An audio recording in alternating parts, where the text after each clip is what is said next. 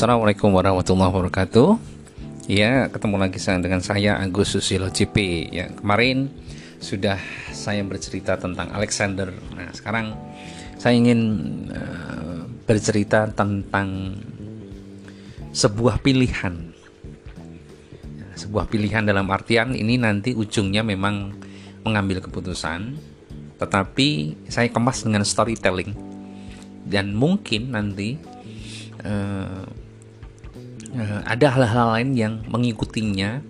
Mungkin teman-teman nanti bisa mengambilnya dengan lebih banyak lagi mungkin ya. Seperti itu. Oke seperti apa ceritanya? Kita ikuti ceritanya selanjutnya seperti ini. Ya ini cerita dari Tiongkok. Ya zaman Tiongkok. Uh, waktu itu ada sebuah uh, apa ya kerajaan yang mempunyai pasukan di mana pasukannya ini sangat terkenal sekali dan dipimpin oleh seorang jenderal yang mendapatkan sebutan sebagai jenderal penakluk. Ya. Ibaratnya kalau setiap pertempuran itu tidak pernah kalah. Tetapi pada suatu ketika dia berhadapan dengan sebuah pasukan yang lebih besar lagi. Sehingga pasukannya terdesak. Karena jumlahnya berkali-kali lipat dibandingkan pasukannya, sehingga terdesak ada beberapa yang melarikan diri. Kemudian akhirnya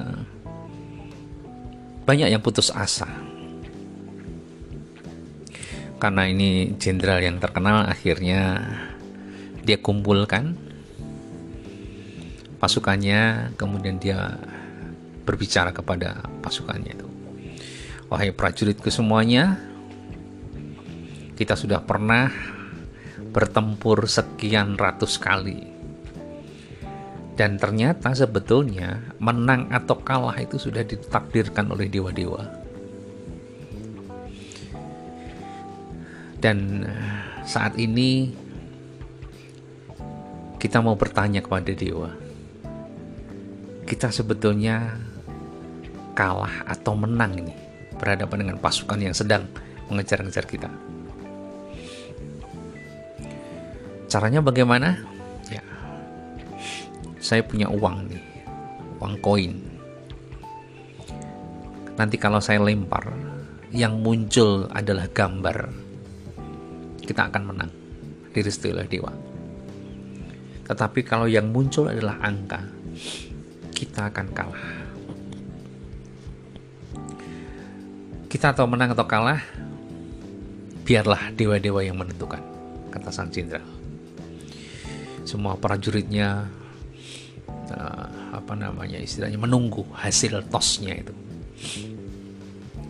Kemudian begitu jenderalnya melakukan tos melemparkan koin itu ternyata yang keluar adalah sisi gambar artinya apa artinya dewa-dewa merustui bahwa pasukan ini pasti akan menang wah semua prajuritnya, semua jenderalnya yang membantu pembantunya itu bergembira sekali. Kita udah direstui oleh para dewa dan kita akan menang.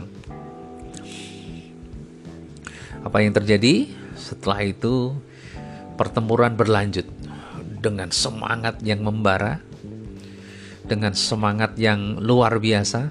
Akhirnya pasukan itu yang tadinya udah mau kalah jadi menang mengalahkan pasukan musuh yang berlipat-lipat banyaknya tadi itu. Wah, semua bergembira. Kemudian setelah kemenangan itu, seorang prajurit berkata kepada jenderal, "Yang mulia, ternyata kemenangan kita ini telah ditentukan dari langit.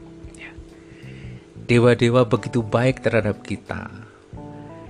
Ya, kita sudah ditakdirkan untuk menang, sehingga kita bisa mengalahkan pasukan yang jumlahnya banyak tadi."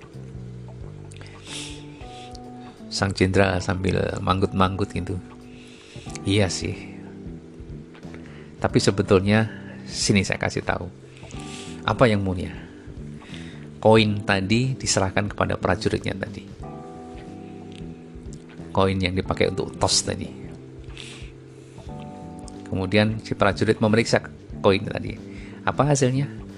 Koin itu ternyata dua-duanya sisinya adalah gambar. Tidak ada sisi angka. Wah, kaget. Ya. Eh, ini adalah satu teknik yang menarik sekali. Eh, bagaimana seorang pemimpin itu bisa mengambil satu celah untuk bisa memberikan semangat kepada anak buahnya even sangat terdesak sekalipun. Satu sisi kita mau belajar tentang itu. Banyak hal yang bisa dilakukan kalau kita punya kreativitas, kalau kita punya literasi yang banyak. Menjadi seorang pemimpin itu selalu akan dikasih sebuah jalan keluar. Di sisi lain, kita bisa ngambil lagi satu lagi apa? Bahwa yang paling menentukan itu adalah faktor internal kesungguhan, kemudian keinginan untuk berhasil.